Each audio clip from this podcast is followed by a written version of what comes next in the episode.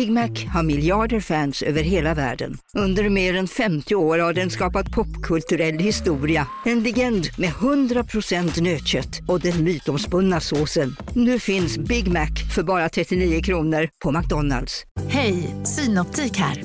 Livet med glasögon ska vara bekymmersfritt. Därför får du 30% på alla glasögon när du väljer Synoptik All Inclusive.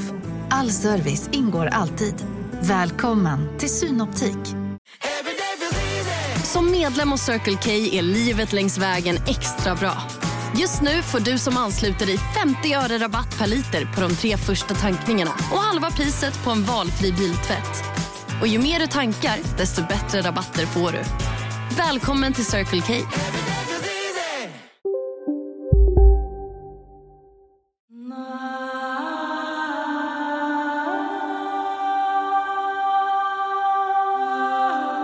Hej och välkomna till Oskar och Fredrik podcast. Det är jag som är Fredrik. Och det är jag som är Oskar. Andra avsnittet den här veckan. Ja, det är helt otroligt här. Ja. Fredrik, vi blir så superaktiva. Ja, precis. Och det är ditt fjärde. Ja, det är mitt fjärde den här veckan. och jag ska spela i- förmodligen in ett avsnitt ikväll till efter det här. Ja, det är, det är sjukt ändå. Jag, jag gick ju från en period där jag var typ så här, ganska typ seg och trött till att helt plötsligt bara, det, men nu, nu är man superaktiv. Ja, men jag tror det är på grund av att sommaren var en så här, tung period med, privat på jobbet Mm. och allt annat. Och då blir det så här, nu när det är höst, då blir det liksom, då vill man ju göra något annat. Här snackar vi inte höstdepressioner. här snackar vi höstenergier. Energier. Ja. Men vi, Frekvenser på hög nivå. det, vi ska ju aldrig prata om någonting som jag tycker är ganska intressant. Kommer du ihåg? Ska vi prata om något som du tycker är intressant? Ja, men jag tycker Mm, jag tycker vi gör det. Ja, Allting som jag säger är intressant. Men, men det jag tänkte på var ju att eh, jag hörde av mig till dig och eh, sa typ att det fin- finns ju en ledig tjänst som du kanske vill ha när du varit borta från Norge. Ja, Och, och eh, du har ju börjat jobba som eh, lärare helt plötsligt. Ja, jag jobbar som eh, lärare i entreprenörskap, företagsekonomi, inköp och UF, Ja. det vill säga ung företagsamhet just nu. Och det måste vara jättebra. Ja, och det kommer ju ganska lägligt eftersom jag sagt upp mig i Norge också. Ja, jag menar, det jag. Och jag menar, jobba med ungdomar, det måste, i dagens läge måste vara lite annorlunda eller? Det är ju Sveriges framtid. Liksom. Jag kommer forma Sveriges framtid. Ja, del av det. Men förstår du någonstans typ så att allting du liksom nu gör på det här kommer ju ändå påverka en del av deras framtid. Du kommer vara en del av deras dåtid. Dåtid. Det man alltid tänker typ så här, kommer ihåg Fredrik. Och då tänkt så här, ja men han var skön eller någonting så här, åh han var jobbig. Ja, peppa peppa tar jag sig det. Nu ska jag inte banka och knacka här, men än så länge så går det väldigt bra. Mm. Mm. Är det någonting som du tycker är jobbigt? För jag känner ju själv det, sen när jag tänkte på den här tjänsten så tänkte jag typ så här, oh, hem och rätta prov, fy fan vad det måste suga. Alltså det är väl kanske inte, det som är intressant med det är ju att se att det är ju väldigt spridda kunskapsnivåer i samma klass, Mm. klasser, eller samma årskullar då. Jag har ju fyra olika klasser i fem olika ämnen. Ja. Och jag hörde egentligen nyss att det var typ så här om man kollar på nationella provet, jag vet inte om det var i gymnasiet eller då i nian, så var det liksom första gången någonsin att 60 procent av alla som gjorde nationella provet i matte inte klarade. Mm. Jag är inte förvånad efter några veckor i skolan. Och det är våran framtid som du sa. Ja, exakt. Det är därför jag är här nu. Därför du är det. Men det kan ju vara så nu, vi pratar om folk som inte klarar matteprov och kanske har det tufft i skolor eller någonting annat. Och det är egentligen lite grann det som egentligen våran gäst idag handlar om, att man kan ha det tufft i livet och man kan helt plötsligt bara bli en riktig money queen. Exakt. Det handlar mycket om mindset och att faktiskt tro på sig själv. Mm. Mm. Och med det här så tänker jag att vi eh, bjuder in på farsan Faisi, Money Queen of Sweden. Välkommen. Tack snälla, tack snälla.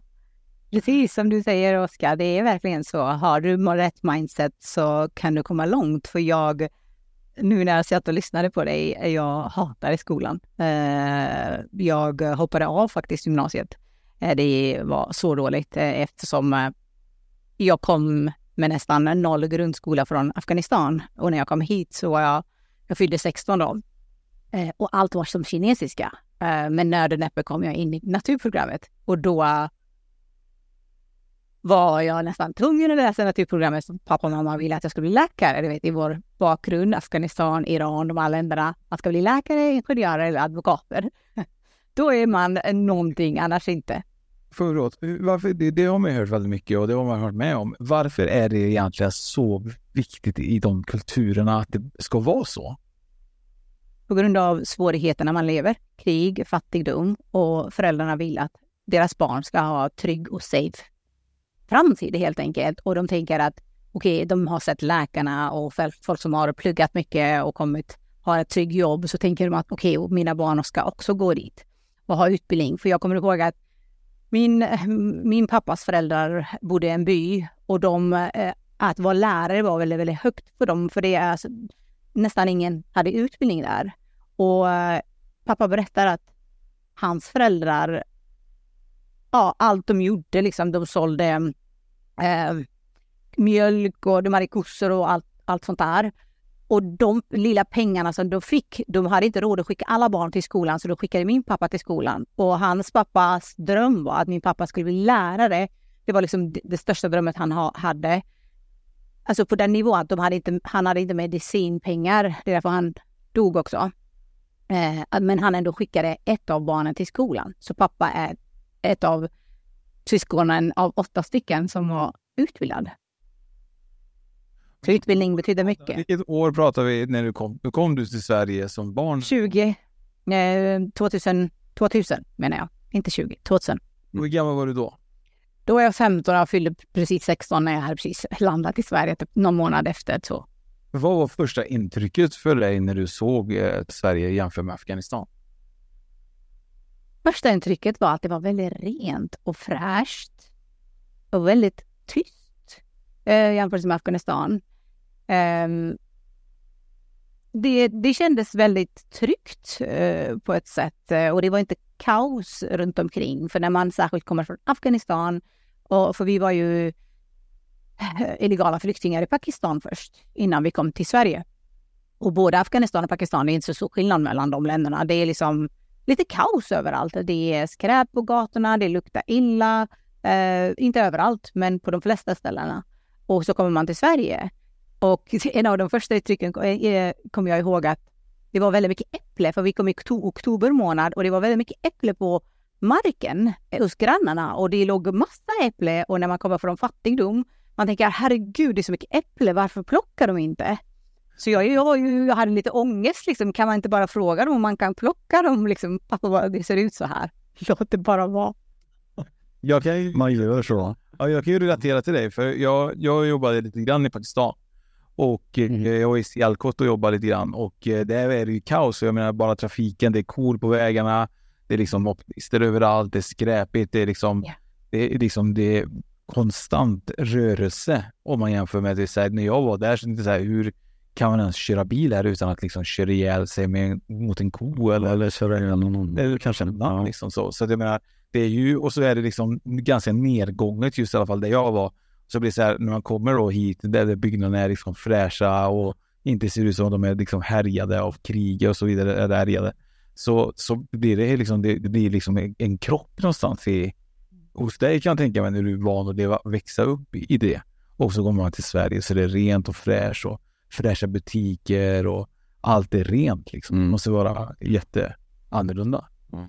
Det, det, var det definitivt och det var nog inte den största krocken för det var ju bara trevlig känsla av det. Och sen att se så många vita människor med blåa ögon, det var väldigt ovanligt för mig. Så jag gick runt och kände att alla var änglar, små änglar, för det är så jag såg att änglar var. Och så pappa sa, stirra inte, särskilt när vi satt på spårvagnen. För om man tänker i Pakistan till exempel, bussarna, spårvagnarna, det, eh, det, det finns inga spårvagnar med bussar eller bilar. De är så full, alltså med människor man sitter ju nästan på varandra och här i Sverige så sitter någon där med sin lilla bok och någon sitter där i spårvagnen. Så jag gick och satte mig bredvid någon för jag kände att jag vill prata och det var så konstigt. Eh, och folk tänkte, vad vill du liksom? Du kan ju gå och sätta dig någon annanstans. Så det var väldigt mycket krock på olika sätt. Men det som var största krocken är ju hur vi är eller var i Afghanistan. Kvinnor, män, kläder, och sen i Sverige, öppenheten. Eh, folk hånglar upp sig på spårvagnen eh, eller kysser varandra. Det var väldigt, väldigt... Eh, det var starkt. Eh, att aldrig ha sett sådana saker och så plötsligt börja se Alltså friheten som samhället erbjuder och sen stängtheten man kommer ifrån. Det blev en rejäl krock för min pappa, för min mamma, för oss. Särskilt en 16-åring tjej. Eh, och jag bara ville smaka på all frihet och ville verkligen flyga och var jättelycklig att vi kom till Sverige. Också, du ville också hångla i tunnelbanan, det bara fan. Nej, nej, nej, Det, det var inte det, den biten av det, men att ha klänning till exempel, att kunna vara fri. För du vet, i Afghanistan man hade slöja. Ni har ju sett den här burkan eh, som är hål i och jag har haft den. Och så kommer man hit. I Pakistan så hade vi sjal då, eh, stora sjal. Så man täcker sig ganska mycket och så här, jag vill inte täcka mig. Men det var inte acceptabelt för min pappa då, så man skulle ändå ha hit. Eh, man, skulle, man, man behövde inte slöja, men ändå var det liksom stora pösiga kläder. Man skulle inte visa för mycket. Men jag gjorde inte så som pappa ville och det blev ju ganska mycket konflikt då. Även om jag gjorde smyg så såg han ju mig. En gång så körde han förbi mig i stan där jag hade klänning på mig och massa smink på mig. Och jag tänkte, det där var inte jag. Han var jo, det där var du. Jag känner inte igen det. Precis. Men eh, bara för att gå tillbaka lite grann. Hur, eh, hur såg det ut för dig innan du kom till Sverige? Gick, var det någon skolgång som du gick i eller var... För ni är några syskon väl? Vi är tio syskon, precis. Mm. Och jag är äldst av tio syskon. Eh, I Afghanistan när jag var väldigt liten, eh, för jag har väldigt svagt minne, jag vet inte om jag var sex, eh, fem. Men skolorna, de brändes av eh, dåvarande Mujahedin kallades innan talibanerna. Eh, och vi fick inte, därifrån så fick vi inte gå i skolan mer. Men jag älskade böcker för min pappa som var den utbildade i familjen då. För honom var det också väldigt kärt med böcker, utbildning. Det var väldigt, väldigt viktigt. Så det är han som har planterat det här fröet av studera. Jag älskar att studera idag. Ehm, men det har inte varit lätt resa. Så jag hade nästan ingen utbildning där och sen flydde vi till Pakistan. Och när vi kom till Pakistan, där också mina föräldrar kämpade och krigade för att vi skulle få någon slags utbildning, någon form av utbildning. Så, och skolor kostade och vi var ju illegala flyktingar, papperslösa. Så vi bodde ju svart i landet. Men när pappa hade pengar, när han, vi hade jobbat ihop någonting, så fick man gå i skolan någon månad. Och sen nästa månad hade man inte pengar. Då fick man inte gå i skolan. Så jag har väldigt lite grundskola eh, då, då och då, om man ska säga så. Mm. Mm. Men hur gick det då? För om vi hoppar lite till i tiden när du kom in på, vad, gick du naturprogrammet ändå? Eh, jag kom till Sverige och pappa sa du ska bli läkare. Så det, det var så det var. Och eh, i min barndom så fick man väldigt mycket så här, man skulle vara på ett visst sätt. Eftersom jag var äldst, jag skulle vara perfekt, jag skulle vara förebild för mina syskon. Och då skulle jag ju bli någon, någon någonting som var bra enligt den kulturen, enligt föräldrarna. Så då ville jag ju e, få pappa och mammas godkännande också. Så jag sa absolut, jag gillar att bli läkare, men det var inte alls min dröm. Så jag sa ja till det och sen med nöd och näppe som jag sa till er, jag verkligen pluggade matte, svenska, engelska, för det är det som krävdes för att kunna komma, försöka komma in. Och då kom jag in i naturvetenskapsprogrammet. Men jag mådde jättedåligt. Jätte, jättedåligt för att jag förstod. Jag har aldrig läst kemi, fysik, biologi, eh, matte eh, på den nivån och bara plötsligt hoppa in i gymnasiet. Och det här gjorde så att jag kände mig inte bara Alltså jag var, eh, inte bara vantrivdes, jag kände mig dum och värdelös och väldigt osmart. Eh, eh, jag tänkte, ja, det, det, är något fel för mig, jag förstår inte vad alla andra kan. Eh, men det kom lite senare fram att jag hade även grov dyslexi, eh, vilket vi inte visste för vi kollade inte upp sådana saker i Afghanistan. Så det här kom fram när jag gick på komvux när jag var 28. För jag har alltid hållit mitt huvud så här när jag satt på proven och det gick även dåligt där. Och då sa en lärare, du Palvasha, har du dyslexi? Jag bara, vad är det för någonting? Och då sa hon, eh, vill du, vill du att vi gör en test?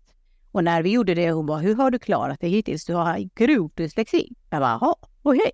Då fick man lite mer tid på proven och då var det lite skönare, tycker jag. Lite enklare, ja precis. Men har du dyslexi, att du eh, ser liksom att bokstäverna flyttar plats eller är det mer liksom som man också, för jag har också varit i så här, innan har jag det, så ringde jag till Dyslexiförbundet och så så sa de så här, ja men du har nog inte dyslexi, du har nog så här läs och, och skrivsvårigheter och då blir det liksom att man har svårt att sätta ihop meningar och sånt eller blir det liksom att du har svårt att formulera det även när du skriver liksom ett, eh, säg en e-mail typ? Eh, det är en blandning av det, för alltid när jag skickar mail eller lägger upp på Instagram och så, det är alltid fel. Och min man tänker bara, du skrivit fel igen. Och jag bara, åh gud.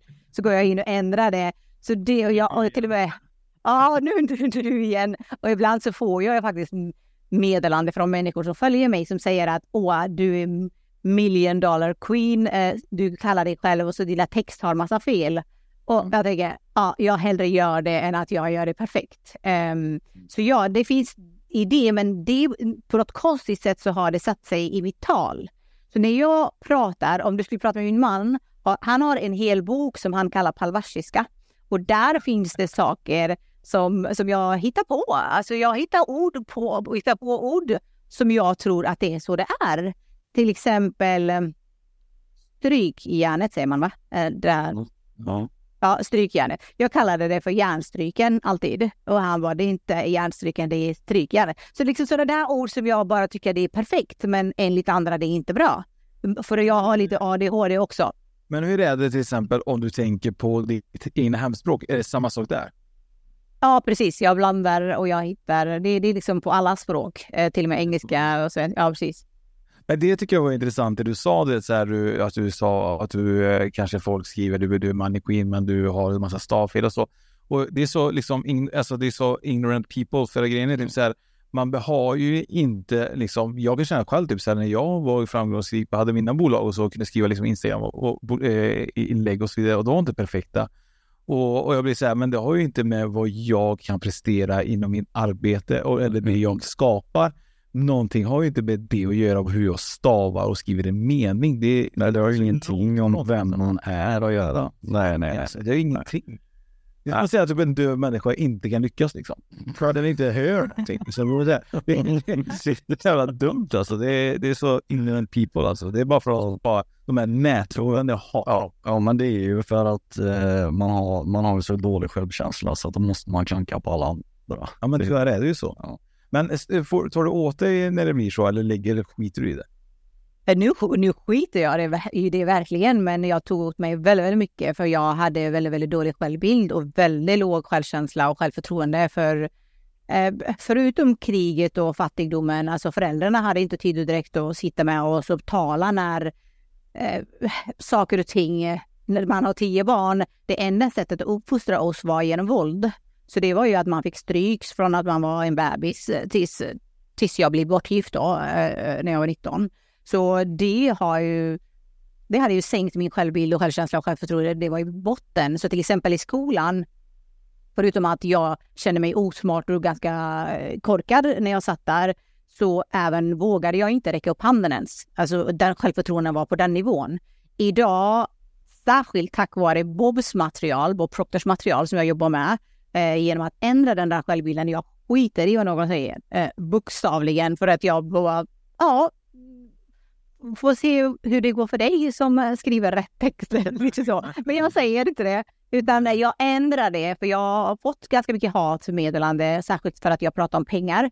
Eh, och det triggar många. Och då har jag fått liksom, ja ah, men du, du är bluff och du tror dig i någonting. Och då har jag skrivit om den texten. Palvasha, du är fantastisk, bara fortsätt, du är sån inspiration. Och sen har jag sagt till den personen, ha en fantastisk dag. Och sen har jag repeterat den nya texten. För det är så jag använder det för, för, min, för min fördel. Får jag fråga dig en grej? Tror du att det hade varit annorlunda ifall det hade varit en man?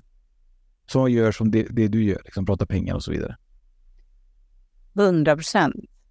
Män pratar ju om pengar och Exakt. de får, de får inte alls, utan det blir mer stolthet. Eh, men när kvinnor pratar så är det mer, liksom, för det är inte så van och det är därför jag älskar att bli kallad Sveriges money queen för att det är, jag kommer prata, fortsätta prata pengar så länge jag lever. Ja, ja, ja, det ska du göra. Och det är för- ja, definitivt. Ja, ja, ja, absolut.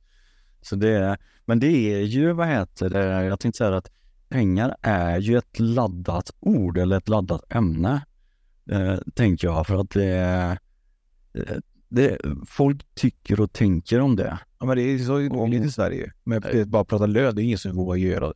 Nej, Det så, har du lön? Det är ingen som frågar det, för de blir så här...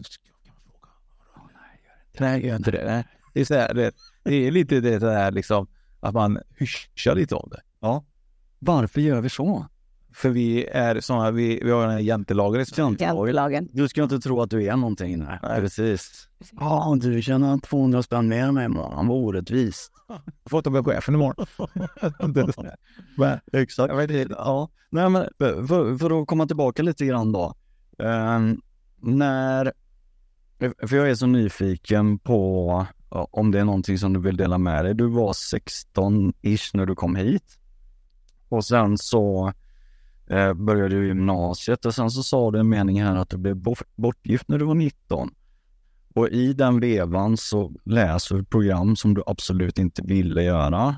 Du har kommit till Sverige där friheten är och eh, svenska tjejer får välja vem de vill, vill gifta sig med. Vad, hur blev det en extremt stor krock där också? Eller hur, hur uttryckte det sig i ditt liv?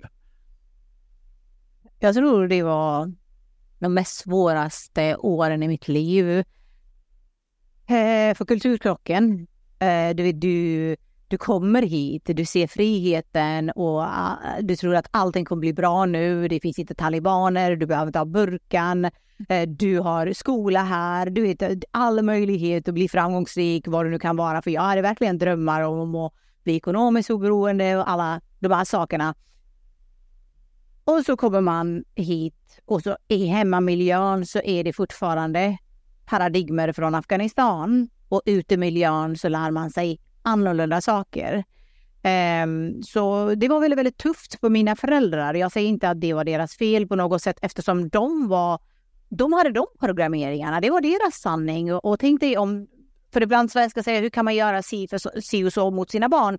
Men tänk om, eh, i Sverige har vi vissa sanningar för oss själva, vissa eh, regler för oss själva. Och, och om en svensk familj hamnar i Saudiarabien, tänker vi, eh, och de måste ha burka på sig, annars är det, du vet, det skulle bli väldigt mm, tråkigt för dem och miserabel. Många kanske blir deprimerade för, för att de blir instängda på det sättet. Så här också, mina föräldrar hade väldigt, väldigt tufft, men, men det blev inte rättvist gentemot mig känner jag. Eh, krocken var stort, skolan var riktigt, riktigt svårt. Samtidigt som min far, min kära far var väldigt så här, har du inte MBG, då duger du inte. Du, har, du, du ska liksom vara top, top notch på alla plan och så kommer man med sin G eller IG eller eh, sådär skakig så fick man ju utskällning. Uh, och då satt man där. Men i, i, alla fall, varför jag blev bortgift är för att jag blev intresserad av det andra könet. För här var det mer tillgängligt. Uh, eh, och då började jag prata med killar och att prata med killar var förbjudet. Så ifall de såg mig stå och prata med någon på gatan och så någon kör, körde förbi, någon afghan körde förbi, då ringde de min pappa och bara din dotter pratar med någon kille och det är någonting där. Och, så det blev ju väldigt mycket snack runt. Och självklart jag var intresserad av en kille också som jag började, hade börjat träffa. Och det gjorde så att min pappa fick panik för i min kultur, det är heder och man ska inte träffa vem som helst och det är föräldrarna som får välja att vara med och hela den biten.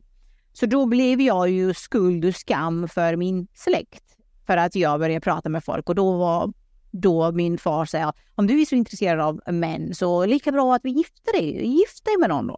Här har du den här killen från London. Han är läkare och han har mustasch och han har det och den här lilla killen är, bor i Iran och den här och jag mådde ju så dåligt för att det var inte bara det utan det var ju stryk också inblandad. Liksom jag kände mig bara och, och att inte bara psykisk eh, stryk utan fysisk stryk också. Och psykisk stryk var liksom att du är skuld, du är skam, du är eh, du, du, att du lever är liksom att du får leva är du måste rätta till det här för nu har du eh, tagit över skam över hela släkten. Och då eh, kändes det bara, jag måste rädda familjen, jag måste rädda... Då sa jag, välj vem du vill, liksom, det spelar ingen roll. Och då valde de någon, så jag fick åka till Iran eh, och bli bortgift samma natt som jag kom fram. För det var inte meningen att det skulle bli så, utan jag skulle träffa killen och sen bestämma mig. Men det blev ju som, du får inte träffa killen om inte ni är gifta. Så där kom imamen och allting bara hände och giftermål. Eh, och då hoppade jag i gymnasiet på grund av även det. När du bröt, får jag fråga, har du, är du fortfarande bortgift? Nej, verkligen inte. Herregud. Men hur, kan du, hur, hur kom du till det? Liksom, var du inte rädd då? För jag menar, jag menar jag kan tänka vi, många som lyssnar och även många typ så här, men det som måste göra slut kanske är hedersmord och hon är dödad och så vidare. Eller så här, Mm. var, var, det där, var det där någonstans där du liksom hade även tanken att det, fan, det kanske blir riktigt illa ifall jag verkligen inte vill det här sen? Definitivt, 100 procent. Det skulle ju gått åt det hållet. Men eh, jag ville ju skilja mig liksom efter en månad. Vi hade vi varit gifta. Eh, och det var inte acceptabelt. Jag la det fram till mina föräldrar. Jag mår inte bra, jag älskar inte den här personen. Och min far sa att kärlek kommer med tiden. Du får ge det en chans. Och så nästa gång jag kom tillbaka var typ sex månader in i relationen. Och jag mådde riktigt, riktigt dåligt på den nivån att jag försökte även ta, liv, ta livet av mig. Eh, men det var inte acceptabelt, så jag fick ta saker i mina egna händer. Och eh, när man, eh, man kommer från de kulturerna, så som jag sa, det var, det var ganska mycket instängt i, i hemmet. Man fick inte gå på skolresor. Alltså det var, det var, man hade inte så mycket kompisar utanför. Om någon hade kjol, om någon var på ett visst sätt, då var ingen bra tjej. Man skulle inte vara vän med den personen. Man skulle ha vänner som hade sjal och slöja. Liksom, det var väldigt mycket regler. Så därför tyckte jag att jag var väldigt, väldigt ensam. Och när jag bestämde mig att jag ska skilja mig, jag bara kontaktade Skatteverket och ville ha skilsmässa. Den här killen ville inte skilja sig. Och mina föräldrar var helt emot det. Och då blev det väldigt krig, inte bara med mina föräldrar, med hela min släkt. Med hela min släkt eh, och mina farbröder ville komma hit och mörda mig, tack och lov, att de inte kunde komma hit. Eh, så min far och mor sa till mina syskon ifall de umgås med mig så är de, de också får gå. Liksom. Att jag är inte deras dotter, jag är död, död för dem. Och då blev det separation mellan oss. Eh, men eh, om jag hade visat mig så hade jag varit död. Så en dag, jag saknade mamma så mycket, så jag gick hem, för jag trodde att pappa var inte hemma. Och då, eh, då, då tog han kniven och började springa efter mig. Eh, och där kunde det ha hänt eh, hedersmord. Eh, jag satte mig i bilen, han satte sig i sin bil. Och sen drog jag från Göteborg då och gömde mig i Borås. Eh, och då blev jag arbetslös på grund av att jag inte kunde komma till jobbet och jag ville inte förklara för folk och jag ville inte anmäla min pappa. Och eh, det gjorde så att jag blev hemlös och arbetslös och familjelös. så jag bodde i min bil. Jag hade en Toyota Corolla som jag hade köpt 5000 som knappt startade. Um, så det var en, den tuffaste perioden i mitt liv och jag kände mig väldigt ensam. Så från parkering till parkering och parkeringvakten kom och så här och knackade. Um, du får inte sova här. Så det, ja, det var inte lätt, men det är det som har gjort mig till man är queen som jag är idag, eller queen som jag är idag. Men för, ja, jag får bara, för nu är du då i 20-årsåldern eller någonting, eller 21? Precis, 22. För att när jag, jag åkte till Iran och kom tillbaka så tog det ju ungefär ett, ett och ett halvt, två år innan den här mannen kom. Mm. Och då, då blev vi gifta här då och sen började processen. Så jag var lite fri mellan 19 och ja, tills han kom. Vi kommer komma in nu på snart alldeles strax här, det du gör egentligen idag som är så intressant. Men jag måste fråga en fråga som jag alltid vill ställa. Du har ju faktiskt en dotter idag. Och ja. eh, så tänker jag typ så här att oavsett kultur och så vidare så är kärleken till ens barn, den är ju liksom, borde vara lika mycket värd eller stark eh, i en själv som förälder. Och att man har liksom haft en då pappa eller mamma som ändå har liksom kulturer och så vidare. Men att liksom kunna känna känslan att man kan döda sin dotter för, för något sånt här så känns det... Vad är det som skiljer egentligen kärleken? Eller är det, är det, så, är det så stolt prestige liksom i, i, i kulturen på något sätt att man kan ta tag och göra något så hemskt? Alltså? Heder är väldigt, väldigt starkt i våra länder, starkare än allt. Eh, och för det så ja, de dödar sina döttrar, de dödar sina fruar, sina... Det, det händer och det har ni läst eh, i de här länderna, att de stenar kvinnor och, eh, och sen är det ju inte bara för min far, om han hade valt och så, så hade det kanske inte gått så långt. Men det var ju jättemycket press. Som jag sa till, till er, det var inte en krig mellan mig och min familj. Det var en krig mellan mig och min släkt i Afghanistan. Och min släkt är stor. Jag har hundra kusiner. Vi är...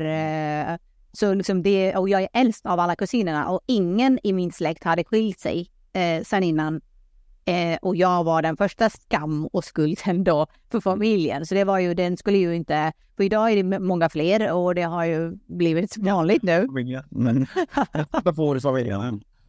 Men jag tror att min pappa blev väldigt, väldigt pressad och han, eh, vi har en fantastisk relation, jag och mina föräldrar idag. Vi har eh, jobbat eh, igenom de här sakerna och vi har hittat tillbaka. Jag och min pappa är jättebra vänner. Han är min student idag. Han går min kurs eh, och sådär. Eh, så det, han har förändrats jättemycket. Nu på Storytel. Försvarsadvokaten Lydia Levander får chansen att lösa sitt största fall genom att försvara en misstänkt mördare. Hur långt är hon och kollegorna på advokatbyrån Pegasus beredda att gå? Fallet Mikaela. En ny deckare från succéförfattaren Anna Bågstam. Lyssna nu på Storytel.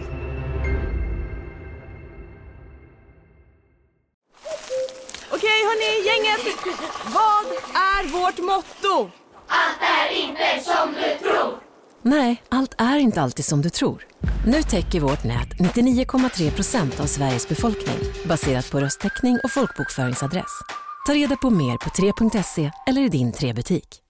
Hej, Susanne Axel här. När du gör som jag och listar dig på en av Krys vårdcentraler får du en fast läkarkontakt som kan din sjukdomshistoria. Du får träffa erfarna specialister, tillgång till lättakuten och så kan du chatta med vårdpersonalen. Så gör ditt viktigaste val idag, lista dig hos Kry. Vi har förändrats jättemycket, vi har integrerats på ett annat sätt. Eh, men det, det tog många år. Det tog många år. Men eh, för, för att gå tillbaka till din fråga där Oskar, så jag tror nog, jag är lite inne på det som Pavasha säger också, det, det handlar nog kanske inte om kärleken som sådan till sitt barn, utan mer om, jag menar, det, det, nu vet jag inte hur många farbröder det är, men hans bröder och, och hans eh, bröders eh, fädrar och allting, alltså när det kommer det här, alltså grupptryck är fruktansvärt, det ser man ju på om man kollar på han eh, Anders som vi hade med från Nationalistisk front som har gjort en helomsvängning då också. Så det här grupptrycket som blir i vissa kulturer och subkulturer är ju så enorm. Jag förstår vad du menar, men i min värld, du menar det spelar ingen roll. Den, den skammen och den pressen är, går över. Ja, det måste slå slint i. Jag vet, men det finns ju ändå, jag vet, men det finns ju ändå ingenting i min värld som skulle få, oavsett känner jag just nu, det är så svårt för mig att säga för jag har växt upp i den här kulturen, men det är bara att liksom så här, kärleken som man har till sina barn, den, den överskrider allt. Jag menar, jag skulle gå genom eld och vatten för mina barn oavsett vad jag hade befunnit mig för situation. Så för mig är det liksom så konstigt när man ändå liksom har ett barn och haft eh, någon i så många år som liksom, det är så här, man binder ju sån kärlek till sina barn. Att det blir liksom så här, jag skulle på något sätt, alltså, alltså istället så hade jag försökt hitta liksom, nej men jag stöttar dig i det här. Men i det här blir det så här att kultur och deras grejer är så jävla hårt liksom inpräntat i deras huvuden att de struntar i det. Att det är liksom, är inte. Eh, ja, jag vet inte om jag är riktigt... Eh, för du säger att föräldrar går genom eld och... Ja, mina föräldrar har gjort det för oss. Det har de gjort. Saken är den att, precis som eh, Fredrik säger, den pressen och när... Nu när jag idag jag jobbar med undermedvetna programmeringar med paradigmer, det finns inget starkare än paradigmer. Alltså det är...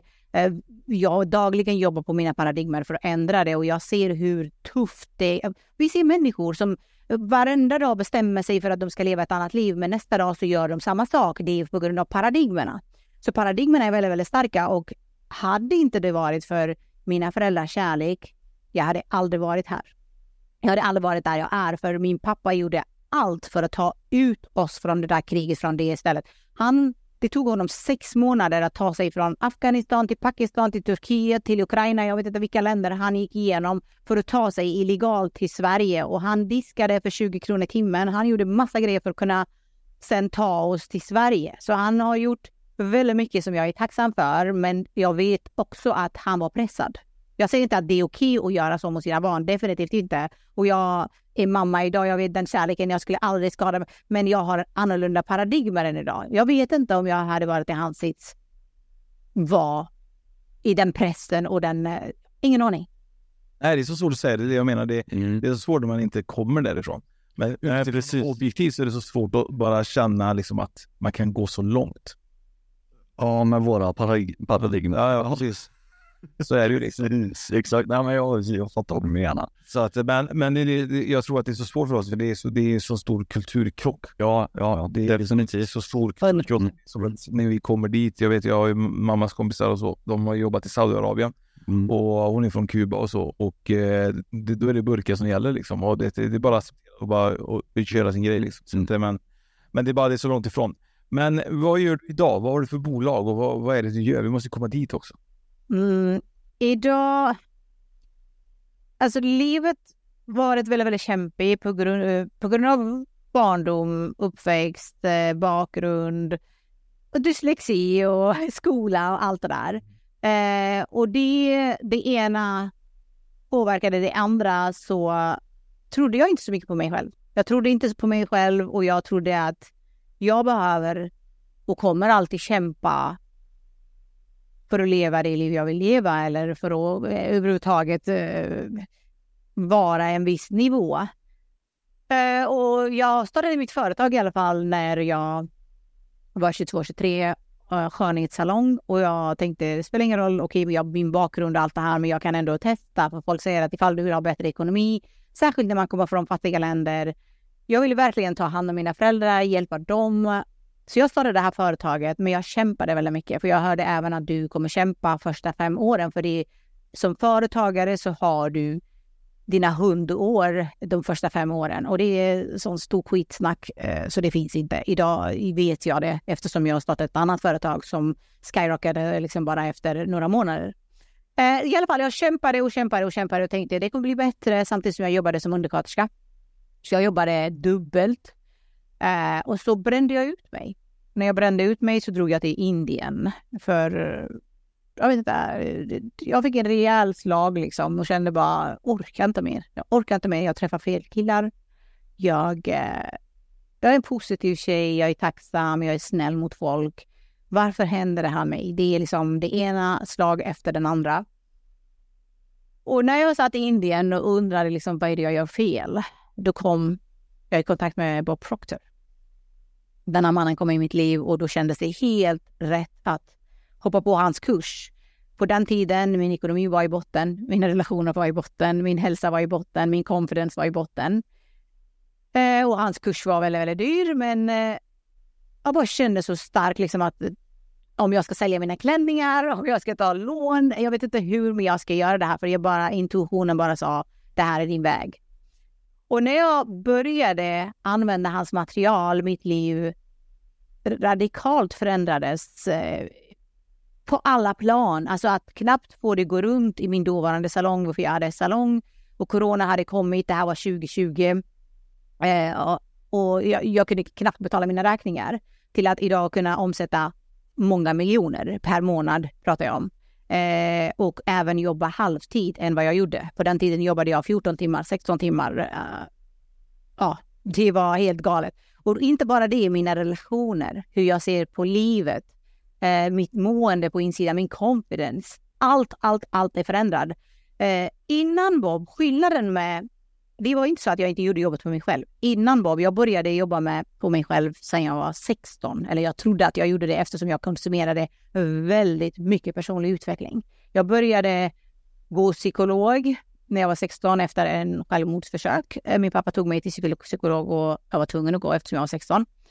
Eh, och där började jag presentera för just personlig utveckling, böcker, från då tills jag kom i kontakt med Bob hade jag lagt en halv miljon när jag räknade liksom böcker, föreläsningar, workshops, Tony Robbins, jag vet inte, ayahuasca, med retreater, you name it.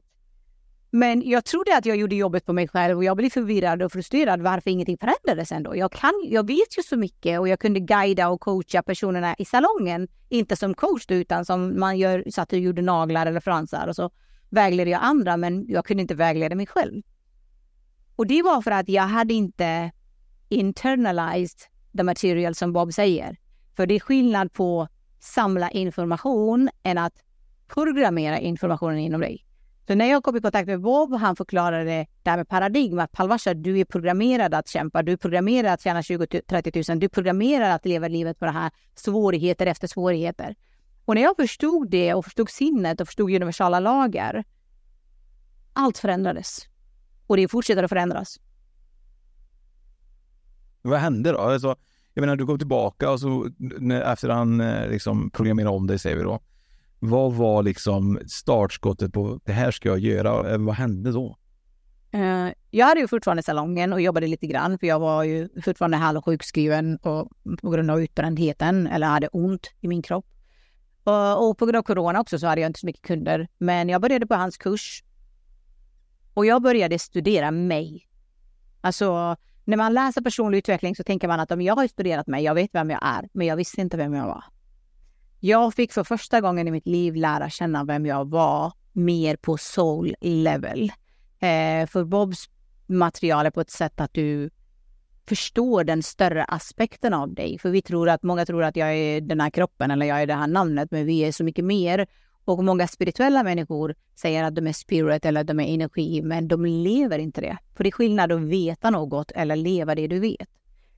Um, så när jag lärde känna mig och programmera in det, för hans material är, eller hans kurser på ett visst sätt, att du förändras. Du programmerar in dagligen, dagligen, dagligen, dagligen. Eh, och så vaknar du en dag att allting är förändrat.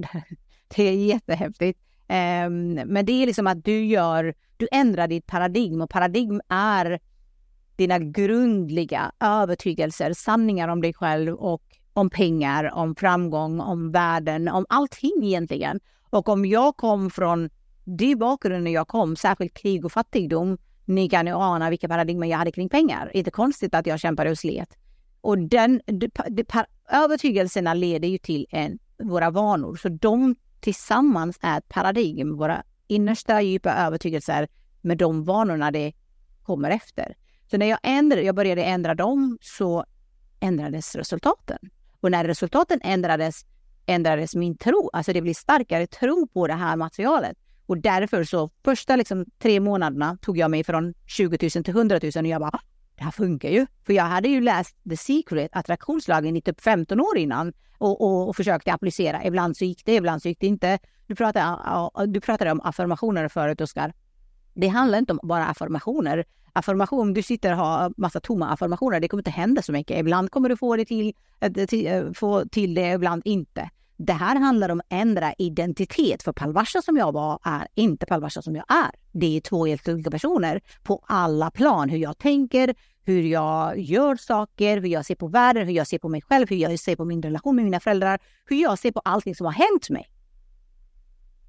Så den förändringen har gjort så att mitt liv förändrades. För jag Från 20 000 till 100 000 på tre månader, vad var det för alltså förändringen i företagandet? Eller vad hände där? Eller vad, hur gick du från 20 till 100 eller hur ökade din omsättning? Vad var det som hände då? Det är det inre arbetet. Det är ju hur jag såg på pengar och hur jag gjorde saker. För det, det finns en bok som heter The Science of Getting Rich. Vetenskapen om hur man blir rik. Bob Proctor rekommenderar om det ganska mycket. Jag har läst den många gånger. Och den, i den så säger de att det handlar inte om vad du gör. Det handlar om hur du gör det du gör. För, för tänk dig att när jag gick in i väggen så började jag läsa NLP coach till NLP coach för jag tänkte jag kan ju inte jobba med fransar och naglar, min axel fungerar inte, jag kan inte använda min kropp men jag måste göra någonting, alltså någonting annat. Så jag läste till coach men jag hade inte gjort jobbet för mig själv och ingen ville köpa mina kurser. Jag till och med sa till kompisar, jag kan träna på dig, jag betalar 400 spänn per timme. Alltså jag verkligen, och tänkte nej, det funkar inte. Coaching business, eh, det, det funkar inte för det är för alldeles för mycket coacher. Det finns inte tillräckligt med klienter. Men allt det där är också för att framgång skapas inte utifrån, ska, framgång skapas inifrån. Rikedom kommer inifrån. Vi alla är rika, vissa har lite mindre pengar bara. Och det är det, när vi börjar förstå, för jag sa till dig, jag började lära känna mig på djupare plan. Vem är jag? Vad är jag? Hur, hur fungerar jag? Mitt sinne, hur fungerar jag? För sinnet är kopplingen mellan den här kroppen och fysiska världen och till högre dimensioner. Till God, till source, till den, den delen av dig som är eh, den stora delen av dig helt enkelt. Och därifrån, när du skapar därifrån så skapar du mycket större saker och även mycket snabbare. För enligt kvantfysiken Tiderum existerar inte. Så det jag lärde mig, att jag lärde mig böja tiden. Uh, Det skulle man säga, för tänk dig om jag gick från 20 000 till 100 000 på tre månader. Jag gick från 2 miljoner till 7,9 miljoner på en månad. Alltså på en månad. Alltså jag har haft gigantiska resultat. Och det har hänt för att jag förstår hur det här funkar. För tiderum existerar inte, allting händer i ditt eget sinne. Men du behöver lära dig det, du behöver programmera det och du behöver förstå det. Och sen det här med att tro på sig själv. Tro, självförtroende betyder ju tro på dig själv och det kommer ju från när du vet vem du är. När du inte vet vem du är, hur ska du tro på dig? Mm. Och vad är, vad är, vad är det liksom så här, kan man göra det här utan att behöva liksom utbilda sig känner du? Eller är det liksom utbildningen superviktig för människan?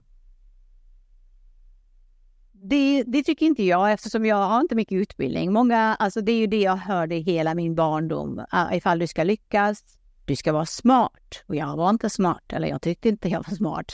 Eh, om du ska lyckas, du ska vara väldigt högutbildad. Om du ska lyckas, när man kom till Sverige så fick man lära sig, och kontakter, kontakter, om du ska lyckas, du ska ha kontakter. Jag hade no kontakt. Jag hade, alltså du vet, jag är en sån exempel och själva Bob Proctor är en sån exempel.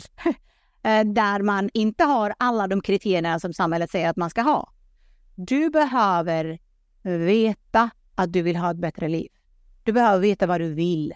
För desire, den här brinnande viljan till frihet var väldigt, väldigt stor för mig. Jag vill bli fri på alla plan, när det kommer till ekonomin, när det kommer till eh, hjärndemoner som man har i huvudet. För jag var så låst i hela mitt liv, så frihet var liksom, det var det jag längtade och sökte hela tiden. Och det här sökande, konstant sökandet av vad är det som gör att människor lyckas? Eller vad är det som gör att jag inte lyckas? Ledde mig till Bob Proctor. Um, vad, vad, sa du din fråga? Nu glömde om man, när man känner att det är viktigt att man utbildar sig. Liksom. Precis. Det tycker jag inte att det är viktigt. För jag idag ser eh, människor som bara, ah, men jag ska bli läkare. Jag ska bli... Eh, om man älskar det, absolut, då ska man gå och göra det. Men om man gör det för att få en bättre inkomst. För som Bob säger, du ska jobba för njutningen, inte för pengarna. För den utbildningen om att lära känna dig, absolut, det behöver du investera i för det är ingenting som vi tyvärr lär oss i skolan. Vi lär oss aldrig om oss själva, vi lär oss aldrig om universella lagar, jo gravitationslagen, men det finns andra lagar i universum som styr ditt liv varje dag. Vi lär oss aldrig sinnets samband, eh, paradigm eller alla de här delarna, eller pengar. Många vet, vad, vet inte vad pengar är, men människor går ekonomiutbildningar, finansutbildningar och så är de arbetslösa, de är panka i bankmän liksom. Alltså det hur, hur är det möjligt? För det är fel sätt att lära sig det där. Men jag tänker lite grann så, om man tänker då, jag, vad jag har förstått då så håller du liksom utbildningar inom typ det här med liksom utveckla sig själv och yeah. allt det här. Och, och jag tänker typ så här, hade det, hade det varit lika, hade det varit lika framgångsrik oavsett vad du hade valt att göra? För jag tänker det, det här liksom är någonting som du råkade hamna på och eh, var där. Det var typ så här, du var på rätt plats i rätt stund i ditt liv. Jag menar, och hade du då kanske valt din frisörsalong, tror du hade varit lika framgångsrik som du är? Hade du kunnat nå de här höjderna på samma sätt, tror du? Absolut ja. 100 procent ja. Om jag älskar att göra det. För det är, väl, det, det är en stor komponent i det, liksom att du, det är viktigt att du älskar det du gör för att du ska inte göra det för pengarnas skull. Pengarna blir en konsekvens av det eller en eh, bieffekt av det.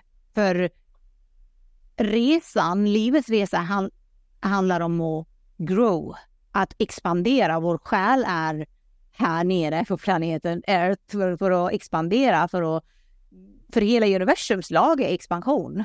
För om du går någonstans där du ska det är därför människor som bara går efter pengar mår dåligt. För att de expanderar inte på, alltså utvecklas inte på det sättet som de skulle behöva. För när vi sätter stora mål, även om det är pengamål, så handlar det aldrig om pengarna.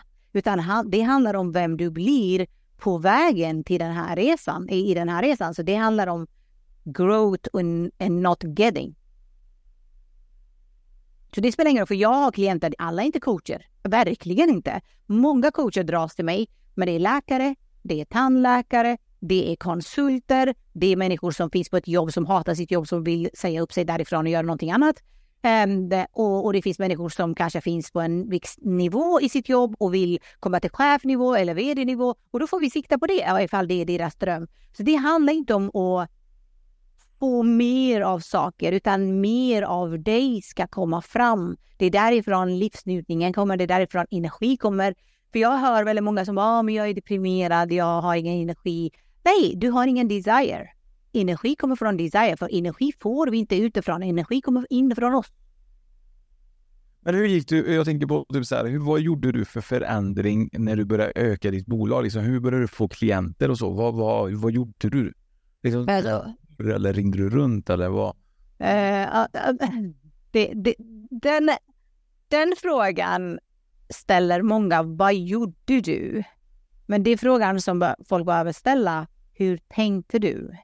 För det är det 95 procent av vår framgång kommer från mindset, 5 procent kommer från strategi. 95 procent kommer från vem du är och 5 procent kommer av vad du gör. 95 procent kommer från den vibrationen du går hela dagarna lång och 5 procent från de actions som du tar.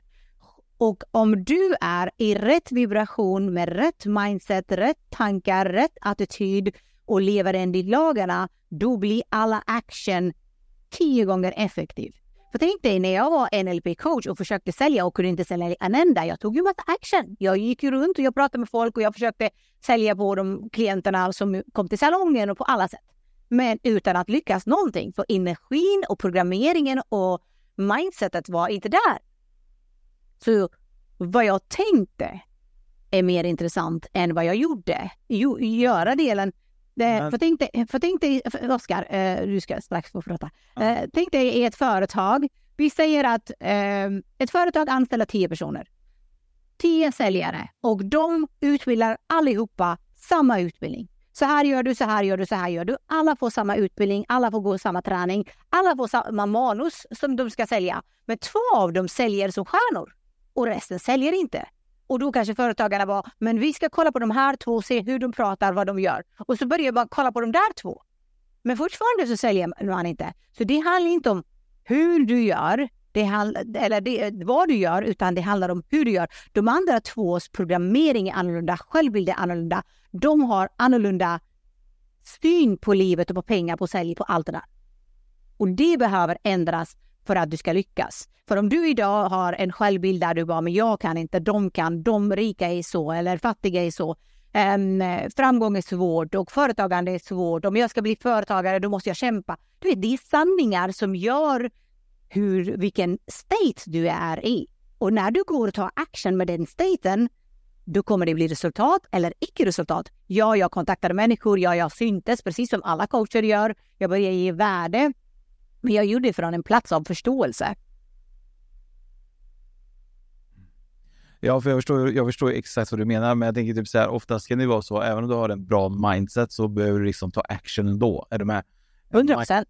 Så att jag menar, det, det jag menar, det, mindsetet kan ju vara liksom att man har en fruktansvärt bra mindset som vissa fotbollsspelare har liksom. Som typ så här, det här ska jag lyckas med, jag ska bli fotbollsspelare, jag ska bli, det här liksom stenhård liksom. Men du måste fortfarande liksom på något sätt ta action på det du ska göra.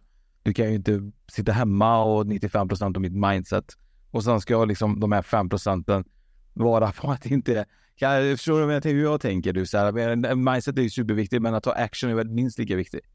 Eh, jag förstår 100 procent och exakt så som du säger. Ja, det är minst lika viktigt för manifestationsprocessen är tanke, känsla, action. Alla tre måste vara alltså i den linjen, annars så kommer det inte gå. Men många som har kommit i kontakt med attraktionslagen, de tror att de ska sitta hemma och visualisera och, och så ska saker falla ner från himlen.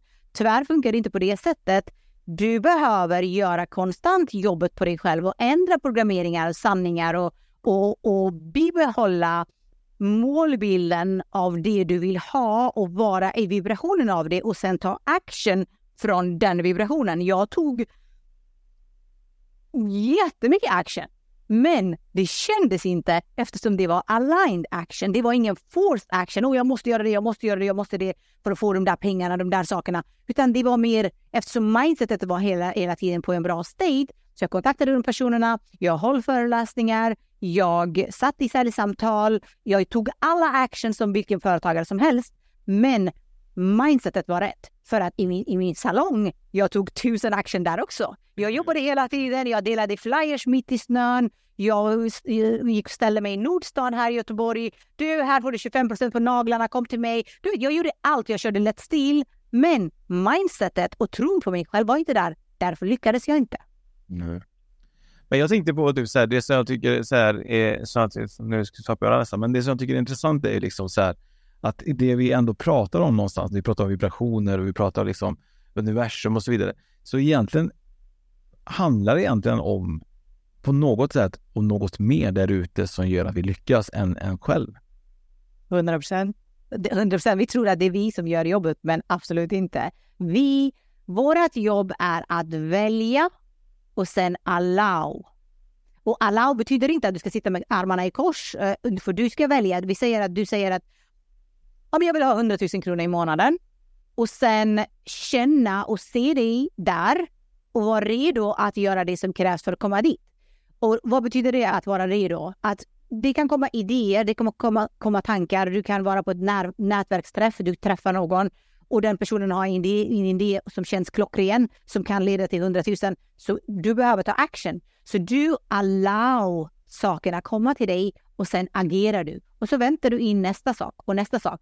Det du vet här och nu, det ska du börja agera tills du inte vet längre, tills nästa sak kommer. Så det är det här flowet vi börjar, behöver följa och vi behöver förstå. För vi tror, vår ego, vår mind tror att det är jag, lilla jag, ska göra allting.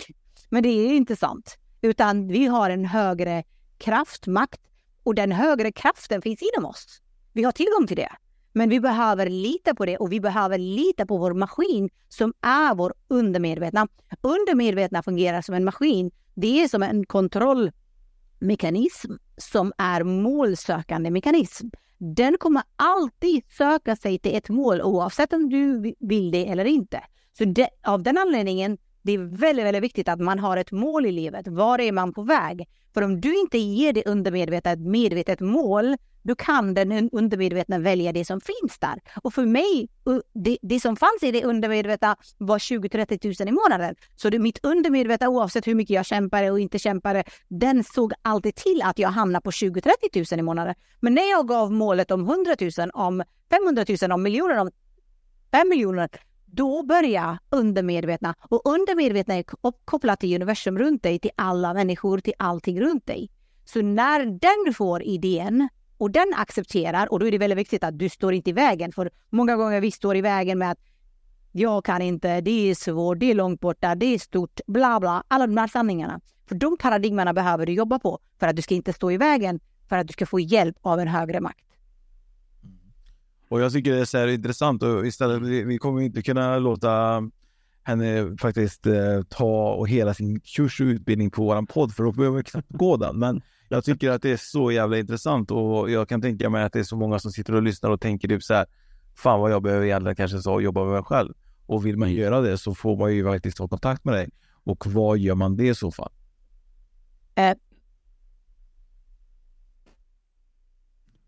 Och vi, uh, ja, behövde. Om ni inte visste det var att hon hostade. uh, uh, så just nu faktiskt ligger en minikurs ute som är helt gratis. Den är fyra dagars. Den heter Money Queen. Men när du går den så kommer du förstå att det är inte så mycket om pengarna det handlar om. Det handlar om din egen utveckling och dina programmeringar, och självbild, rädslor, allt det där som vi brottas med idag. Uh, och den ligger ute, den uh, hittar du på min sida expectmiracles.se. Eh, och den kan ni helt gratis kolla på för att förstå mer djupgående, för där finns övningar och allt det här. Så det är ju min hemsida, expectmiracles.se. Ni kan kontakta mig via och även jag har en grupp på cirka 6 000 människor som jag håller kurser, gratiskurser och webbinarier. Förutom det andra kursen som jag har med Bob Proctor då, som är sex månader. Så expect miracles. Nej. Om du vill ge tips till alla innan vi avslutar här, vad hade du gett tips till? Vad, vad hade du velat säga? Ett, ett fint slutord. Investera i dig själv och lär känna dig själv. Du är den största skatten, du är den största tillgången du har. Vi oftast lägger jag vet inte, 100 000 på aktier eller 50 000 här och där. Eh, men när det kommer till oss själva, vi snålar. Men det är där, det är du som kommer ta dig framåt. Men du behöver investera i dig själv, lära känna den skatten som du har inom dig. Det är det absolut viktigaste budskap. Det har varit superkul avsnitt. Jag, jag, vi har ju fått allt från din barndom till eh, kulturer till, till hur man kan utveckla sig själv. Så det har varit en, faktiskt ett väldigt bra och brett avsnitt. Då, för Absolut. Så att eh, jag vill gärna tacka dig för att du ville jättegärna vara med. Ja, Tack så mycket Palvasha. Äntligen fick vi till det. Tack Fredrik, tack Oskar. Det var jättetrevligt att vara med. Jätte, jättekul. Men eh, för er som eh, vill eh, följa våra resa ska man göra det på, även på Instagram och så kan man gå in på Patreon och så kommer vi också framöver att köra lite mer Youtube egentligen. Så att vi, vi sa det, ska vi säga det inte, men vi kommer sätta inte på det också. Så, det menar. så att håll utkik så kommer ni se mer utav Oskar och Fredrik. Yes, tack.